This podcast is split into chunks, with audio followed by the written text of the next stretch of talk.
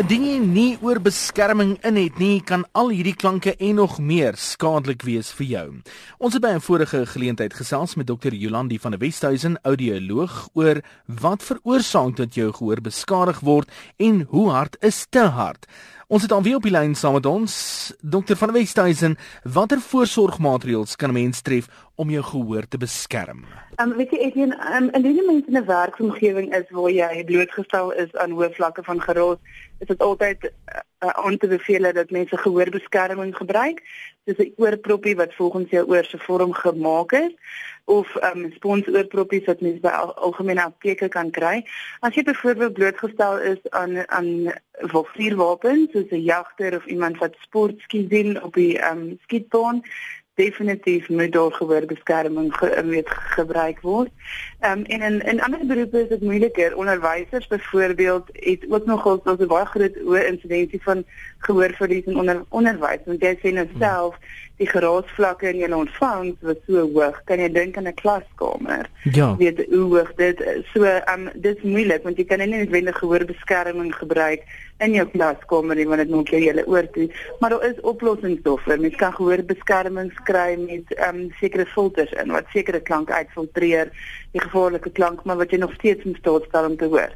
So ehm um, en dan die ander ding is ek dink baie keer gaan mense na konserte toe, ehm um, selfs ehm um, fliekteaters wat klank verskriklik hard is.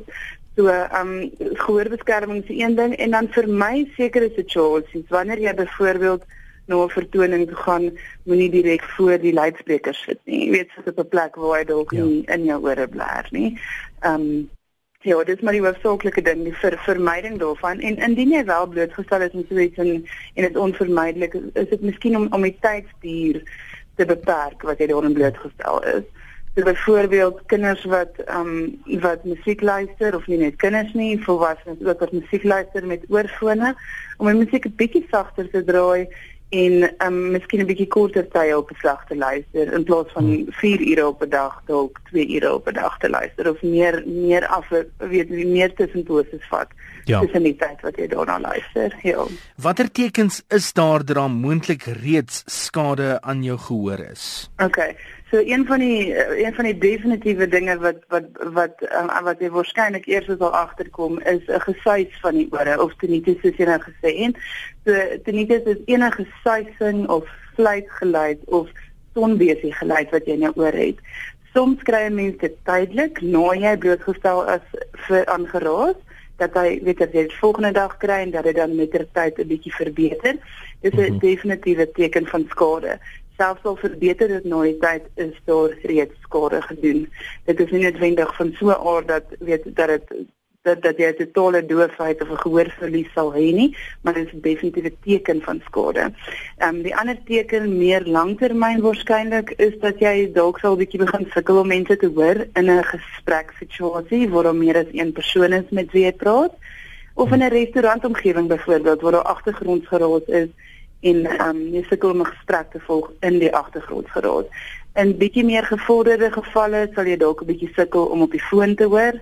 Jy sal die televisie dalk 'n bietjie harder draai as wat die res van die familie dit verkies.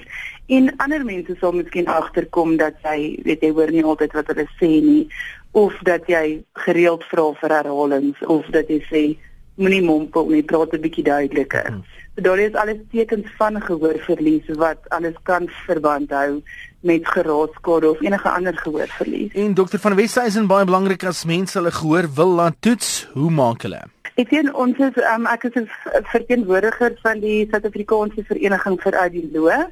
So die beste manier om die audioloog naby jou in die hande te kry is um, om ons webwerf te te besoek.